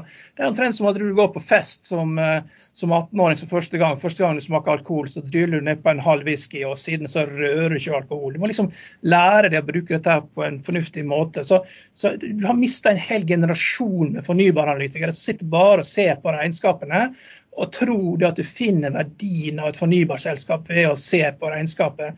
Det blir ikke mer feil enn det. Og Da er vi igjen tilbake til dette mangelen på eh, investorer som forstår at eh, de beste selskapene er markedsledere som har evnen til å skape vekst med minimale investeringer. Som en av grunnene til at jeg skrev en kommentar om Advinta, som nå har ny sjef, franskmann som kom på. og Da er spørsmålet liksom, når skal du kjøpe den? De dominerer digitale, digitale plattformen for motoreiendom i fem europeiske land. Det vil komme et tidspunkt det er riktig å kjøpe den, og det vil gå veldig bra. Men det, det er for tidlig ennå. En ny sjef, det kommer kvartalsrapport 30.8, og han skal sikkert gjøre ferdig med alt det som var trist og leit. De har solgt ut masse ting, kvitta seg med ting. Og, og, den rapporten vil helt sikkert ikke være det som gjør at du løper etter dette, for Europa skal jo inn i en nedgangskonjunktur, og du vil jo se det på tallene. Men på et eller annet tidspunkt så, så skal man eie den aksjen. Men de, det dukker jo opp ganske mange andre typer hydrogenselskap da, som skal inn i denne stadig større um, industrien, for å si sånn. Hva, hva, hva, skal man se etter hos den type ganske ferske selskap? Ja, eh, det vet jeg vel ikke. Altså, du har jo eh, eh, det vet jeg faktisk ikke. Altså, det foregår jo en, en god del altså, Jeg syns jo det så det som Hexagon holder på med, er jo liksom en lang og seig vei med patenter. Vi er et fantastisk godt selskap. Eh, jeg, kan ikke nok om Hyon til å si noe om det, rett og slett. Om det rett og slett eh, bare blir uh, kystbunkring. Jeg vet ikke. Jeg har ikke, jeg har ikke studert det nok. Hyon er det eneste selskapet Nell er investert i, utenom uh, nå. De er vel ikke noe Everfjord lenger, tror jeg. Du har vel Everfuel og du har vel Hylnion, som da er også på, på land. På land da, er. Ja, kanskje... Hylnion er Sverige, og Hyon er Norge, og Everfuel er både land og sjø, har jeg etter hvert fått med meg. Jeg kan jo si altså, e- e- Everfuel sin businessmodell kan jeg jo si noe om, da, men om aksjen er et godt kjøp, det vet jeg ikke. Men businessmodellen er jo liksom å samle opp overskuddsstrøm da, og, og konvertere til hydrogen og selge det. Og prøve å samle strømmen når den er billig. Men nå er jo ikke den så billig, da. Så, så det, jeg vet ikke helt uh, Men, men det, det, er jo Jakob Kroksgaard som sier, og Helge Holen som er leder i Norge. Det er jo, er jo fantastiske folk. Altså, hvis du leter etter dynamiske ledere, de to der, altså, det er jo helt ut, utrolige folk. Da har vi vel vært igjennom en god del av de viktige punktene som du har snakket om i tiden din som eh, kommentator så langt i, eh, i Finansavisen. Det eh, blir spennende å følge med artiklene videre, Karl Johan. Og så takker jeg så mye for at du stilte opp som gjest. Jeg, må, legge, jeg må få legge til en ting, ting, da. Det er jo at uh, vi arrangerte jo noen veldig gode seminarer sammen, uh, Norne og ekstrainvestor i Vilnius. og Første seminar kom jo til ved en tilfeldighet, sånn som de fleste suksesser. ved at eh, Stig Myrseth, eh, som er en veldig flink fyr, han, eh, han hadde invitert dere på tur i Baltikum. og og det kom vel kritikk var vel noen som ville ha litt mer norske selskaper. Vi fikk jo noen norske selskaper, men da ble vi jo kjent, og vi skjønte jo det at det her var jo det, dette var jo en fin greie. da, fordi de selskapene, da, Psykologien var jo veldig enkel. altså Hvis du følte deg så misforstått som selskap at du fant det verdt å fly til Vilnius for å holde et foredrag for 50 private investorer, så var det sannsynligvis en god investering. Nesten alle selskaper vi hadde der nede, det ble kanoninvesteringer. Men det seleksjonen, da. Eh, seleksjonen, altså det kriteriet at du måtte føle deg så misforstått. Og det var mange små selskaper. Vi hadde jo Scanship, vi hadde Ekornes, vi hadde, vi hadde Nell tidlig. Vi hadde alle de selskapene som Kitron husker dere hadde. helt Kitron ja. Fem kroner. Eh, Så, så, det er, Men det kommer ikke tilbake. Det liksom arrangerer det samme nå når alt er dyrt og vi er bear market.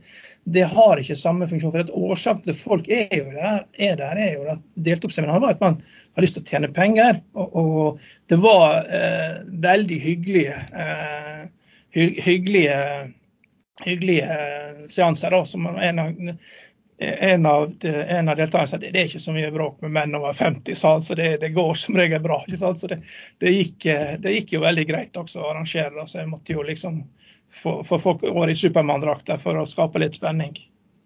Det var veldig fine turer. Absolutt. Ja. Ja, men i alle fall, Takk så mye for eh, din eh, deltakelse i dag, og så skal vi følge godt med deg videre. Da ses vi kanskje i Børsmånen en annen dag. Det gjør vi nok. Ja, ha det bra. Takk for at du fikk være med. Og så over til vår hovedsponsor Skilling, som er en skandinavisk eid CFD-megler. Skilling tilbyr lynrask handel i norske og globale aksjer, indekser og ETF-er, olje og andre råvarer, valuta og mer enn 50 forskjellige kryptovaluta. Skilling har en rekke forskjellige handelsplattformer og trading-apper. Skilling Trader, Metatrader 4 og C-Trader. Du åpner konto med bank-ID, og alt kan handles med eller uten giring, long eller short, til meget lave kostnader. Skilling har nylig nærmest fullstendig fjernet spreads på kryptovaluta, samtidig som de nå også tilbyr kryptohandel uten giring. Spread på bitcoin er eksempelvis bare en halv dollar, og enda lavere på de andre 50 pluss kryptovalutaene som Skilling tilbyr. Med i praksis ikke-eksisterende spredder og en kryptokurtasje fra bare 0,1% er Skilling nå sannsynligvis den desidert billigste kryptomegleren på markedet. Dette blir spesielt merkbart sammenlignet med tradisjonelle kryptobørser med til dels store vekslingskostnader. Bruker du Skilling til å trede CFD krypto uten giring, betaler du heller ikke renter. Som sagt, Skilling tilbyr kurtasjefri handel i nærmest alt av finansielle instrumenter til veldig konkurransedyktige priser. Skilling har kundeservice på norsk og industriens laveste kostnader på kryptohandel.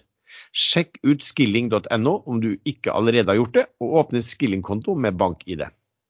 Risikoadvarsel. 66% av ikke-profesjonelle kunder taper. Fullstendig advarsel på skilling.no, og kryptotreding er ikke tillatt for britiske kunder. Og lenken til Skilling finner du i beskrivelsen til denne episoden. Vi har som vanlig fått ut noen spørsmål fra, fra lyttere. En skriver om Solstad offshore, der det har vært noe flagging på nedsalg fra DNB. Hva eh, tror vi det vil bety for aksjekursen eh, framover, eh, Sven? Jeg leste den eh, børsmeldingen der, ja. Og så lurte jeg på skal de ut med hele skiten, eller eh, eh, Eller hvorfor flagga de da rett under 10 så men dette er noen aksjer som henger igjen fra uh, dette nedsalget til Fredriksen, var det det? Nei, det, Nei. DNB har fra en, en, gammel konvertering, det. Ah, ok. Nei, det var en jeg... rekonstruksjon av selskapet i 2020, eller hva det var. Ok, for Jeg vet at det var DNB som var motpart når Fredriksen drev og solgte seg ned eh, ved å låne han eh, aksjer da, da han kunne selge. Det er riktig. Så, så jeg bare lurte på om, eh, lurte på om, om eh, Fredriksen har levert de tilbake til DNB, at det er de aksjene som nå selges. Men det var det kanskje ikke, altså. Nei, de fikk jo, tilbake da sine aksjer. Det kan nok stemme, ja. At de hadde, fikk aksjer ja, det, som du ja, det er, OK, det er de samme aksjene, egentlig. Ja. ja. Okay, nei, hva, det ligger jo litt i kortene da, når de selger seg ned fra 10,51 Nei, de hadde mer enn det. De hadde nesten 10 mill., skal vi se. Det var 9,7 millioner igjen, tror jeg.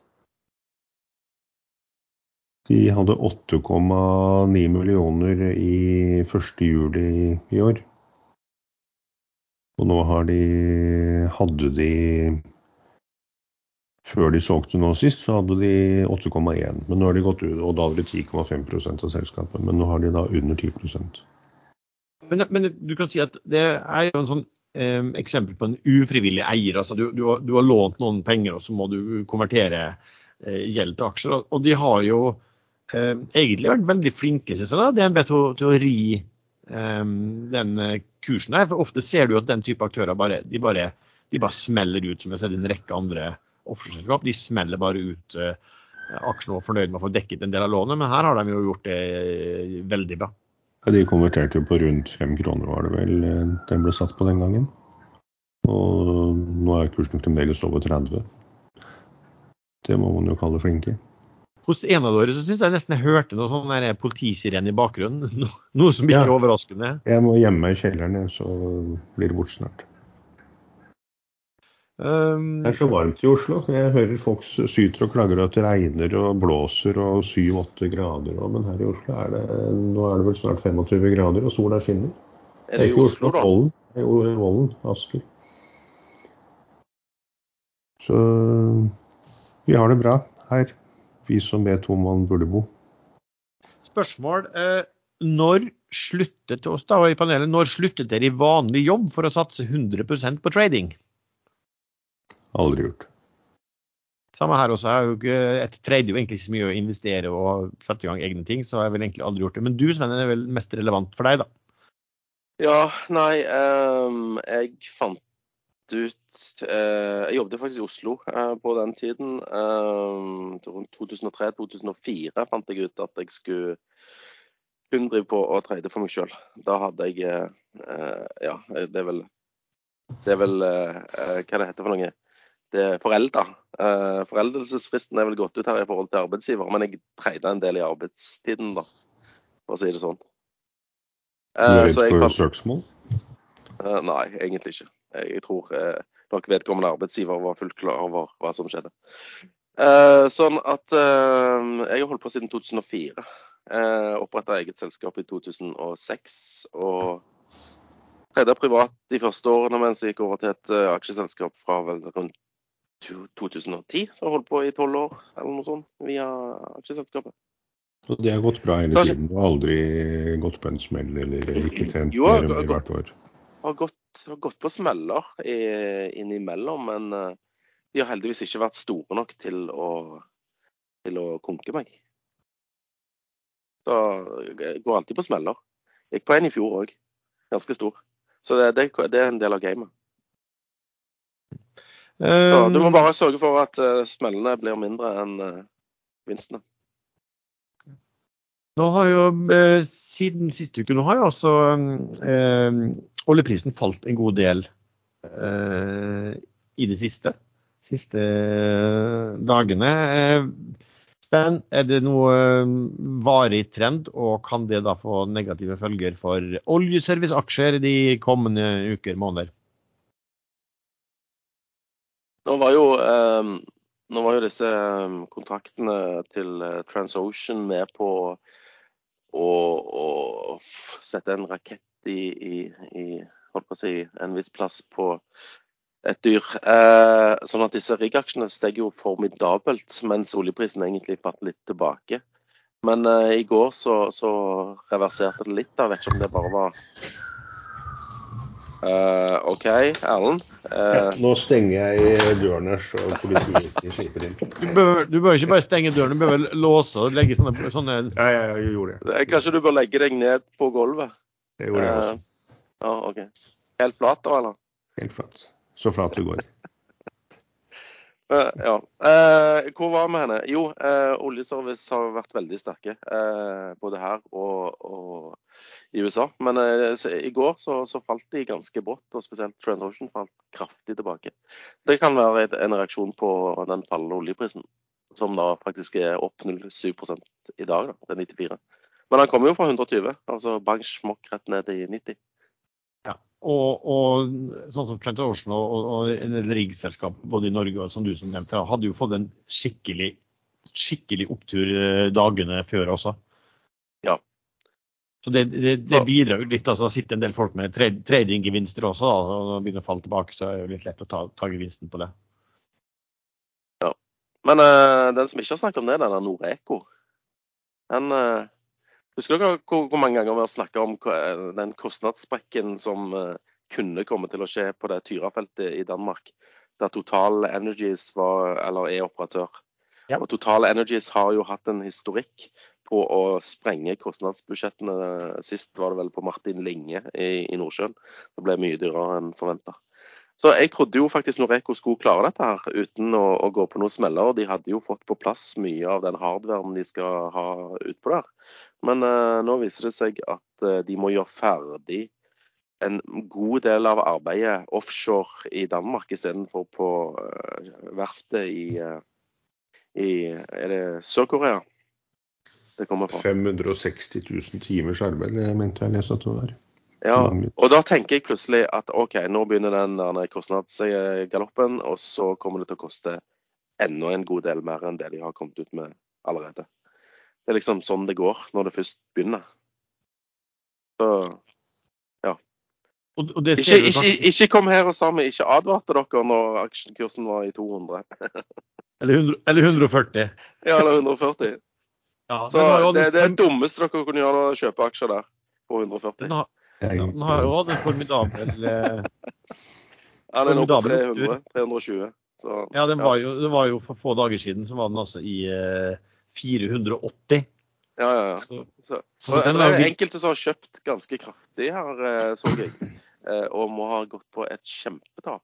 Eh, de har økt den siste tiden. Det var en norsk aksjonær som jeg ikke skal henge ut. Det får de klare å, å, å google opp sjøl. Ja, men det tror jeg var en aktør som hadde kjøpt mye før, mens den var på midd 150-tall også. Så, okay, så sånn, ja. alt, alt, i alt så er det vel noen som sitter inne med ganske fete uh, gevinster også. Det som hadde vært veldig trist her, er hvis den kostnadsmellen blir såpass stor at, ja, at hele egenkapitalen ryker, og at de må gjøre en emisjon. Hvis, altså, jeg tror ikke det skjer, men det hadde vært sånn, ja. Altså, det hadde vært en trist historie. Ja, Børskursen har jo falt nå en, en del i dag. Det er vel dag tre i dag. Den har falt en god del under det mm, som er liksom laveste kursmål fra, eh, fra analytikere. Men analytikere beregner jo det ut ifra hva selskapet selv sier. Altså det er klart at det, det, er jo en som du sier, det vil jo alltid være Man vil alltid tenke sånn Hva hvis? For her er det én ting. altså du, du, får økte kostnader, og så skal du gjøre ferd ting ferdig offshore. Og tenker du på OK, hva er sjansen for at det blir enda høyere kostnadssprekk? Én ting. Og så er det jo også at selve produksjonen eh, blir jo forskjøvet også, forsinket. da. Så Det har jo også en, en, en, en kostnad for, eh, eh for, selskapet, det også. Ikke sant? Sånn at man er vel litt redd for at det skal komme. da. Eh, spørsmålet er om det nå, Vi bruker ofte å snakke om å kjøpe på dag tre, og i dag er dag tre etter en, etter en stor profit warning, eh, hvor den falt da 21% på onsdag, 9 i går og er ned 3 i dag. Men Sier vi at vi skal kjøpe på dag tre, eller er det etter dag to? Eller bør man kjøpe på dag tre, eller avvente mot Det er egentlig dag, dag tre, dag tre eh, som er hovedregel. Men det er kun egentlig for rekyll. Eh, nå var han eh, Theodor, eh, analytiker, oljeanalytikeren i eh, Sparebank1 Markets, ute med altså, Sammenligna andre case der kostnadsoverskridelser eh, ble tema og dro fram Aker BP. Eller han heter Aker eh, Hva heter Aker eh, før han ble Aker BP? Uansett, ikke relevant. Var, de var med på denne her eh, Johan Sverdrup, og der ble det ett år forsinka. Og der fortsatte aksjen bare ned og ned og ned etter, etter den kostnadssprekken og forsinkelsen. Så det er ikke uventa at dette kan skje her òg. Men for en rekyl så er det dag tre som gjelder, i all hovedsak. må huske å selge igjen da, når den har steget litt. OK, er det noe dere vil tillegge, eller skal vi kaste oss over på det vi bruker å kalle ukens uh, favoritter, eller det vi skal se spesielt på uken som kommer? Nei, bra. Sven, hva, hva tenker du? Hva har du å komme med? Nei, jeg har ikke så veldig mye å komme med, bortsett fra at jeg har jo tatt et bet i denne her Lumi, Looney, Looney Tunes, uh, Lumi-aksjen som jeg Sonans og gamle Bjerknes, var det vel det heter. Uh, som er sånn, sånn etterutdanning. Og, og, det som jeg tenker i Aksjen falt 60 i går på en, en profit warning om at de har mista 30 av, uh, av studenter i, i opptaket nå uh, til høsten. Og de skylder på at uh, det har vært tre år med utsatte Altså det har ikke vært eksamener for videregående på tre år pga. korona. Og at det nå får en, en følge fordi at Oi, oi, oi, nå ramla han rett ned i åtte blank her. Smukk, smakk. Uh, jeg tenker at dette ikke er en varig trend, men at folk har funnet ut at uh, Eller vi trenger jo ikke ta opp uh, karakterene fordi at de er gode nok pga. at de ikke har hatt eksamener. Uh, og så tenker jeg at andre òg endelig kan vi reise, endelig kan vi gjerne ta en pause et år eller sånne ting. Er en følge av den uh, pandemien som vi har hatt, og at dette ikke er en varig trend. Og Da tenker jeg at dette er en fartshump, eh, og at denne vil eh, komme tilbake igjen. Men jeg vet ikke hva tid det skjer. Eh, den falt jo fra en børsnotering på 50 kroner, gikk opp i 70 og falt ned mot rundt 20. Eh, de delte ut utbytte i vår, så det må jo ha kommet litt som en overraskelse på selskapet sjøl at, at, det ville bli dårlig med studenter til høsten. Eh, så jeg, jeg tenker at dette er en mulighet til å få noe billig, som tidligere har vært dyrt. Prises vel nå Altså, de har en gjeld på rundt 400-500 millioner kroner og nå prises egenkapitalen til rundt 300. Eh, de var verdt 1,6 milliarder på det meste. Så jeg tror denne får en god reprising når folk finner ut at uh, dette kunne være en hump i veien. Uh, jeg vet at du òg har kjøpt i denne her, og du er flinkere enn meg til å se på regnskapene, men jeg, jeg, dette var mer sånn eh, jeg, Dette var instinkt. Dette, dette er billig. Det, denne kommer til å stige. Men jeg vet ikke hva tid. Men Hvorfor kjøpte du på dag én etter en eh, Når vi snakker akkurat om dag tre, eh, småregel. Hvorfor kjøpte du på dag én? Jo, jeg begynte å kjøpe på dag én, uh, heldigvis etter deg, da. Uh, så jeg begynte å kjøpe når han var under ti. Uh, men nå er han jo på åtte blank. Så det hadde vært lurest å sikkert bare vente til dag tre, som er på mandag. Men jeg bare tenkte at hvis flere tenker sånn dette er bare en hump i veien, så vil folk plukke dette opp fordi det nå er billig. Mm. Eh, altså Hvis det er en varig trend, så skal man liksom holde seg unna dette. Men jeg tror faktisk ikke at det er det. Jeg tror, jeg tror det er midlertidig. Mm. Altså litt sjøl også litt... Men, men, ja, jeg bare får legge til at men det er store selgere eh, i denne aksjen her som sikkert har blitt gått pisslei. De var med sikkert på 50 kroner og har sittet ned hele veien. Og nå bare gir de faen og nå selger de seg ut, for de gidder ikke dette drittet lenger. Altså, det, det, som er litt sånn historikk der, er jo at når de gikk på børs, så gjorde de en veldig liten emisjon, men de gjorde veld, et veldig stort nedsalg på 50 kroner. Så gikk kursen opp, og så begynte kursen å skleve litt. Og, og, det var i, altså, i, februar hvis jeg husker riktig, februar 2021. I februar 2022 så, så solgte disse her, eh, hovedeierne, jeg tipper det var et sånt PS-selskap, de solgte alle aksjene sine på kurs 40. Så det jeg tipper nå, er at de som har både vært med på 50, kanskje plukka opp de aksjene på kurs 40 på høye kursmål fra, fra tilretteleggerne. Der er det noen som er så pist at de skal bare ut av den aksjen. Det gir jo ikke muligheter. da. Spørsmålet er da om de, om de tenker veldig rasjonelt, altså i forhold til eh, inntjening, eh, gjeldsbiten, eller om de bare pumper ut og de skal bare ut av det uansett.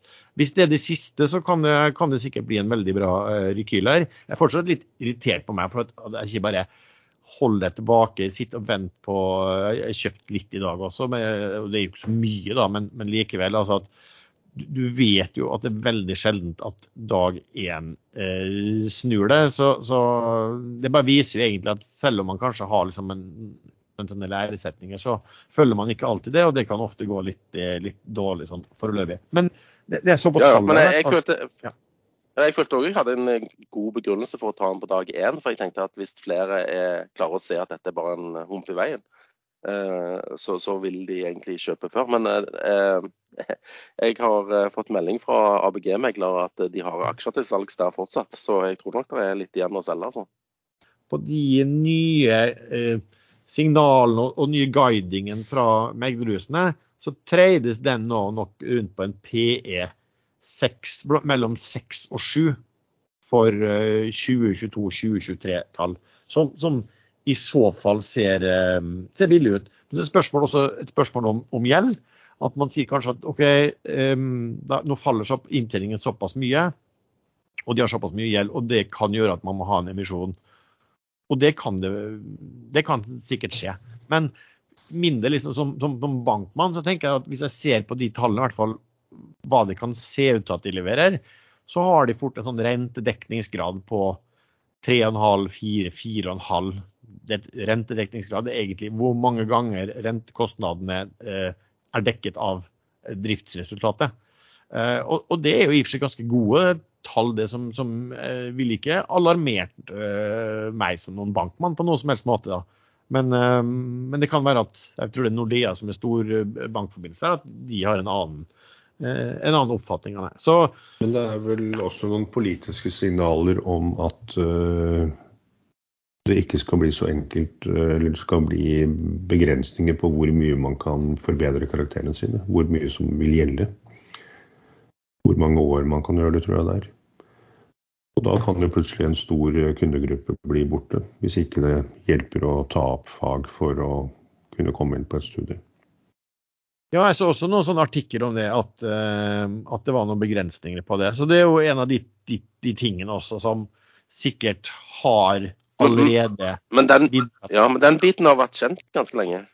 Så kan du jo tenke tanken at hvis du er et PR-selskap og syns det her var et bra selskap og du har tjent masse penger og smekker deg ut og, og selger deg massivt ut på 40-50 kroner Hvis du tror at det her er sånn som du kanskje kan helle mot, Sven, at det er en, en midlertidig svekkelse, så må, må, det jo være veldig fristende å gå inn og begynne å kjøpe aksjer igjen uh, i det. Det var også en litt sånn tanke jeg hadde på den, på den der i går. Så men her blir det også spennende å se om vi får se innsidekjøp, da, selvfølgelig. De, eh, de nærmeste dagene. Eh, hvis, hvis, de kan. Hvis det ikke er noe sånn at de snakker med banker og, og, som gjør at, at eh, Ja, de har vel kommet med Ja, eller regnskapstall. De har vel ikke kommet med, med Q2-rapporten ennå. Det er kun eh, hovedtall.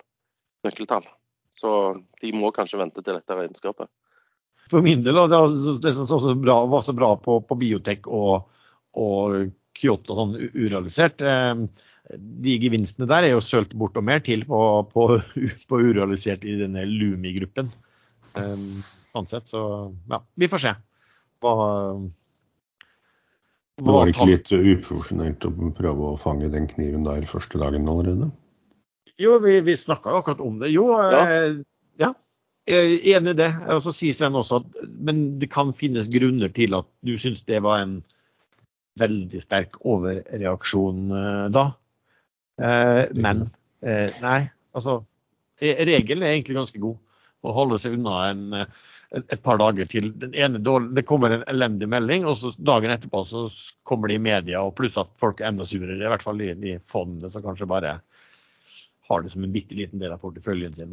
Litt av problemet når sånne aksjer faller, det er for det første var det en aksje veldig veldig få kunne noe som helst om. Uh, til og med Sven han ante ikke hva de drev med. Og så ramler den 40-50 eller hva det var på én dag, og da er det mange småinvestorer som hiver seg inn uh, for å fange kniven. Også litt større profesjonelle, som en viss mann i panelet her. Eh, og så plutselig har du masse aksjonærer som har kjøpt seg inn på lavere kurs enn man selv er, eh, som begynner å trede, trede disse lave inngangene. Og så har man jo, jo, litt, jeg, tar litt tid. Men jeg, jeg, jeg ja. sa jo jeg visste hva Soho eh, var for noe når det kom på børs. Tonans Holding. Eh, men jeg hadde glemt ut at de hadde skifta navn til Lumi. Det var derfor jeg ikke visste hva Lumi var for noe. Den har jo da blitt tradingaksje for ganske mange den siste eh, perioden. Og så er det vel da en, en eller sikkert flere ABG-kunder som har vært med i nedsalg og emisjoner og alt der, som er eh, utro, utrolig lei og bare vil bli, bli kvitt den. Og så er spørsmålet om når går den type aktører tom? Det er jo én ting spørsmål, og andre spørsmål er liksom, hva er en, hva er en fair value på, på, det selskapet? på den ABG, ABG kutta jo kursmål fra 55 til 19 eh, i går. Så jeg er fornøyd med 19. Det er greit, det. Ja.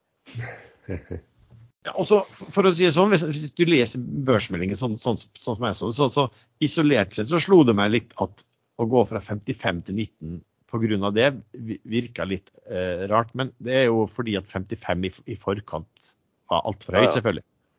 Men eh, jeg syns jo ikke at ABG eh, sier at dette er kun en hump i veien. eller en, eh, så hvis de begynner å legge til grunn eh, lavere inntjening hvert år framover, så, så, så, skjønner jeg jo nedsablingen godt. da.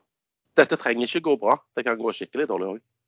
Ja, Den eh, siste dumpen som gikk ned til 802, den var ikke helt bra, for den var lavere enn dumpen ikke så lenge etter åpen på 804. Du sitter og følger med, ja? Ja, ja, selvfølgelig. Jeg skal du skal treffe bunnen? Jeg, jeg, la, jeg la den inn på Skal du le av oss uh, trailere? Du skal ta liksom? den når vi, du skal ta den når vi gråter og selger, du. det har jeg gjort før. Men uh, jeg skrev i chatten at jeg la den inn i watchlisten for å kunne irritere meg i etterkant over at jeg ikke tok der man i ettertid kan si at bunnen var. Men listen her er jo bare sånn som, som akkurat håper vi betonet at det her er høy risiko og mye spekulasjoner og mye man ikke vet i, i, det, i det, selskapet her. Eh, Sven, noe annet eh, du, du, du, følger med på eller har gjort, eller tenker? Jeg tenker at nå er det på tide å, å komme seg hjem igjen til, til Norge. Så på tirsdag så er det endelig, eller endelig, endelig. Da er det hjemme igjen for en periode i hvert fall. Ellers ser jeg jo veldig lite på aksjer. Du sendte jo familien hjem for å rydde opp i huset og klippe gress i hagen og gjøre alt klart før du selv kom etter, var det ikke sånn det var? Jo, eh, eller klipping av gress, det har jeg jo ordna på en eh, veldig bra måte. Gardenene går og går. Ja, Bortsett fra for humlene og vepsen og alle andre insekter da, som trenger disse små blomstene som du klipper ned hver eneste dag. Men du har nå, nå, kommer, nå kommer politiet igjen. Ikke her. Nå var det hos deg. Guardia Civil. OK, vi snakkes. Eh, Erlend, har du ja. noe, gjort noe spesielt som favoritt for uken? Nei, jeg, jeg, følger med, men jeg følger egentlig mest med på makro. Eh, generelt hvordan det går i verden. Og det, jeg syns det er mørke skyer absolutt overalt. Det, krigen i Ukraina stopper ikke. Eh, ingenting som tyder på at den stopper med det første heller. Eh, Russland begynner å slite økonomisk på hjemmebane nå. Disse sanksjonene de virker godt. Eh, så en kjapp kommentar i dag om at Russland nå for tredje gang har endret eh, definisjonen på inflasjon, var det vel. De får ikke solgt den gassen de nå ikke sender til Europa til andre land. De har ikke noe rørledningssystem for det, så den gassen er strandet. Og jeg har lest før at når man stenger ned sånne brønner, så risikerer man at de går i stykker. Eh, så dette det treffer hardt. Og i Kina har man jo da Pelosi som dro på besøk til Taiwan, og det er hun i sin fulle rett til å gjøre. USA har faktisk en eh, skriftlig avtale med Taiwan om at de ikke skulle svikte landet etter at de brøt diplomatiske forbindelser og heller opprettet det med fastlandskina. Eh, den avtalen er fra 1950-tallet, så kanskje 60-tallet. Men uh, uansett, er, uh, USA har egentlig ikke gjort noe annet i det hele tatt med Pelosi's besøk, men det var jo selvfølgelig provoserende, og det visste hun jo. Og det var vel noe hun ønsket å få fram som et poeng også. Men uh, jeg leser nå at nå har Kina satt i gang en enorm militærøvelse som mer eller mindre er rundt hele Taiwan. De har skutt langdistanseraketter som har gått over Taiwan, men jeg er ganske sikker på at det ikke blir noe mer enn eh, litt brusing med fjærene fra Kinas side. De har ingenting å tape på å sette i gang en storkrig nå. De har ikke rustet opp sitt eget militære godt nok ennå. Eh, de har de tidligst om fem år, tenker jeg. Ehm, så dette er eh, Nå skal de markere, og Xi, president Xi, han trenger å vise styrke utad, og en ytre fiende er alltid bra før han blir gjenvalgt i november. Eh, dette er nok over i løpet av noen dager, og så roer det seg ned. Eh, Men eh, de, de, der rakettene de må jo være made in China. fordi at For det første bommer de på Taiwan, og så treffer de inn i japansk økonomisk farvann. Så det var vel ikke så bra. Nei, men de, de ligger ganske tett, Taiwan og japanske ytre øyne, økonomiske farvann. Så det, det er ikke noe jo, men Taiwan er ikke så liten at det, når de ikke klarer å treffe Altså treffe Japan istedenfor Taiwan. Det kan ha vært et signal til Japan nå om at uh, For de har vært tydelige ute at de også støtter Taiwan. Så ja. jeg tror nok Kina flekser litt med musklene her. Um, ja, for min del så var det jo litt sånn som Sven, at jeg snakket om denne Lumi som var interessant å uh, følge med på. Men altså, den kan godt ha solgt. Jeg noe, vil ikke si at jeg har noe eh, tro verken opp eller ned på den. Jeg har jo kjøpt den, da, jeg kan finne på å kjøpe mer. Jeg kan også finne på å eh, selge meg ut. Det gjelder liksom å få litt kontroll på ting på, på, på nyheter og hvordan det her virkelig, hva som virkelig eh, foregår nå. Um, ser at uh, Jeg snakket jo om uh, long Schibsted A, short Schibsted B. Den ser i, i hvert fall ut til å være på riktig vei. Den er i godt pluss nå. og ser ut som den begynner å ta seg litt, øke litt igjen. Den, den vanlige spredden den var vel nede på rundt 5% forskjell, og nå er den steget til ja, på, godt opp på sjutallet i, i dag. Så, så det, ser, det ser bra ut. Men eh, jeg var egentlig ikke ferdig. da. Jeg bare forklarte hvorfor jeg er forsiktig. Makrobildet liker ikke det helt. Men eh, jeg har jo da fremdeles Hyon. Der holder jeg videre. Eh, etter at jeg Nå ligger jeg vel på 17.-plass på aksjonærlisten, tror jeg. Jeg ser jeg fikk et tips på privatmelding her på chatten akkurat nå at teknisk, technical manager i Hyon, Kjellbjørn Kopperstad, han har faktisk kjøpt seg igjen de siste ukene. Ligger nå på 65 000 aksjer. Ikke noe stor post, men når teknisk manager i et selskap begynner å kjøpe aksjer privat, så er jo det et lite signal, i hvert fall. Han har gjort det litt sånn jevnt og trutt de siste par ukene. Men uh, dette er jo et uh, det, Dette er ikke børsmeldt, og en technical manager uh, så burde være en primær innsider. Eh, men dette er jo et sånn eh, growth-selskap. Eh, hvordan er reglene der igjen? Det glemmer jeg alltid. Har han ikke meldeplikt? En innsider på growth? Ja, Er han definert som innsider, da? Det han skrev, han som kom ut den lille meldingen til meg, han skrev at sånn jeg leser reglene, skal primærinnsidere melde. Men noe jeg vil påstå at han er. Men eh, jeg har ikke sett han på noe Da må jeg gå inn på børsens sider og sjekke om han er primærinnsider. Men uansett, jeg mener at det er et, eh, alltid et godt signal når de som sitter tett inne i et selskap, i ledelsen, gruppen, i management, når de kjøper. Så har jo den Onkopeptides uh, gått noe styggejævlig, hvis det er lov å si det på en podkast. Nå er den, på, den var oppe i 44 kroner nettopp. Den begynte jo på tretallet, som vi alle husker. Hva er grunnen til at den har gitt? Den har vel gått da opp eh, ja, Den var vel i, ned på 334 eller noe sånt, var ikke det når vi snakket om den eh, sist gang. Hva, hva, er grunnen til at den har gått såpass mye nå? Nei, det er jo at de har fått uh, EMA-godkjenningen i, i, Europa, men det skal visstnok uh, Eh, stadfestes av EU, en eller annen uh, gren innen der. Men det er sånn bortimot bankers. Det er vel 99 av alle EMA-godkjenninger som godkjennes i EU. Og så regner man med at FDA i USA gjør det samme der borte. Og da, da er de, bortsett fra en utvanning på 20 så, så er de der hvor de var før, før det kom dårlig nytt fra USA. Kursen raste fra over 100 til 3,40 kroner. 3,40 kroner øre.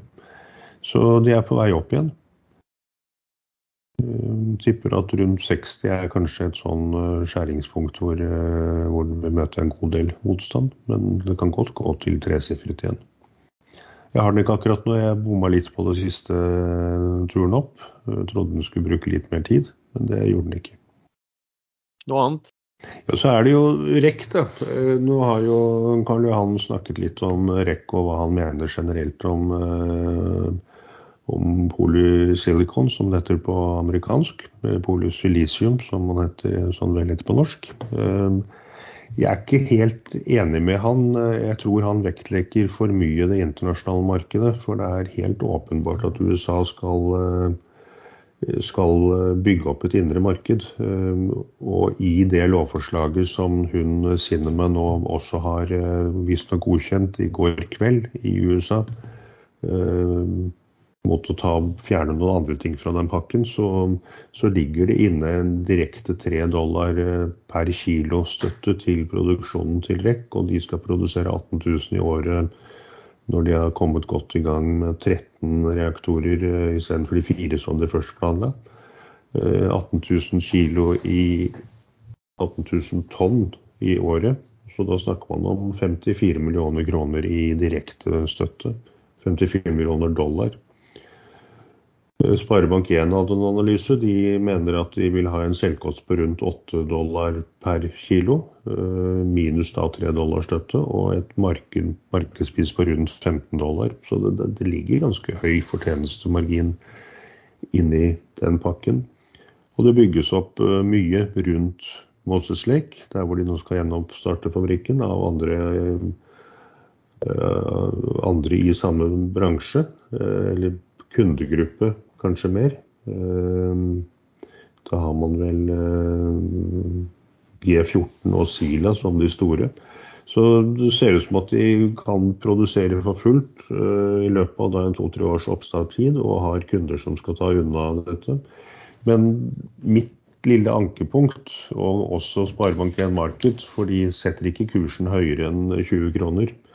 Den vil jo selvfølgelig øke underveis eh, når fabrikken går i gang det er at uh, Hanva, som er den sørkoreanske storeieren, de, de, sitter litt sånn på begge sider av bordet. Uh, man kan risikere at de både blir produsenten og kunden. Uh, og da er det ikke sikkert at de ser, de ser det som så smart å oppnå høyest mulig priser for Rex-produksjon hvis de på den andre siden eier 100% av kunden. Jeg vil tippe dette går mot et oppkjøp at Hanwa Hanva tar selskapet av børs etter hvert. og Når kursen nå er 20 kroner, så kanskje oppkjøpskursen blir 25 kroner. Så det er jo en oppside, eller en teoretisk oppside, uh, hvis man ser bort fra alt annet som kan gå galt. Så jeg har den ikke selv, og jeg tviler på at jeg kommer til å kjøpe den. Men jeg skjønner argumentene til de som, uh, til de som tør å eie den og spekulere i den aksjen.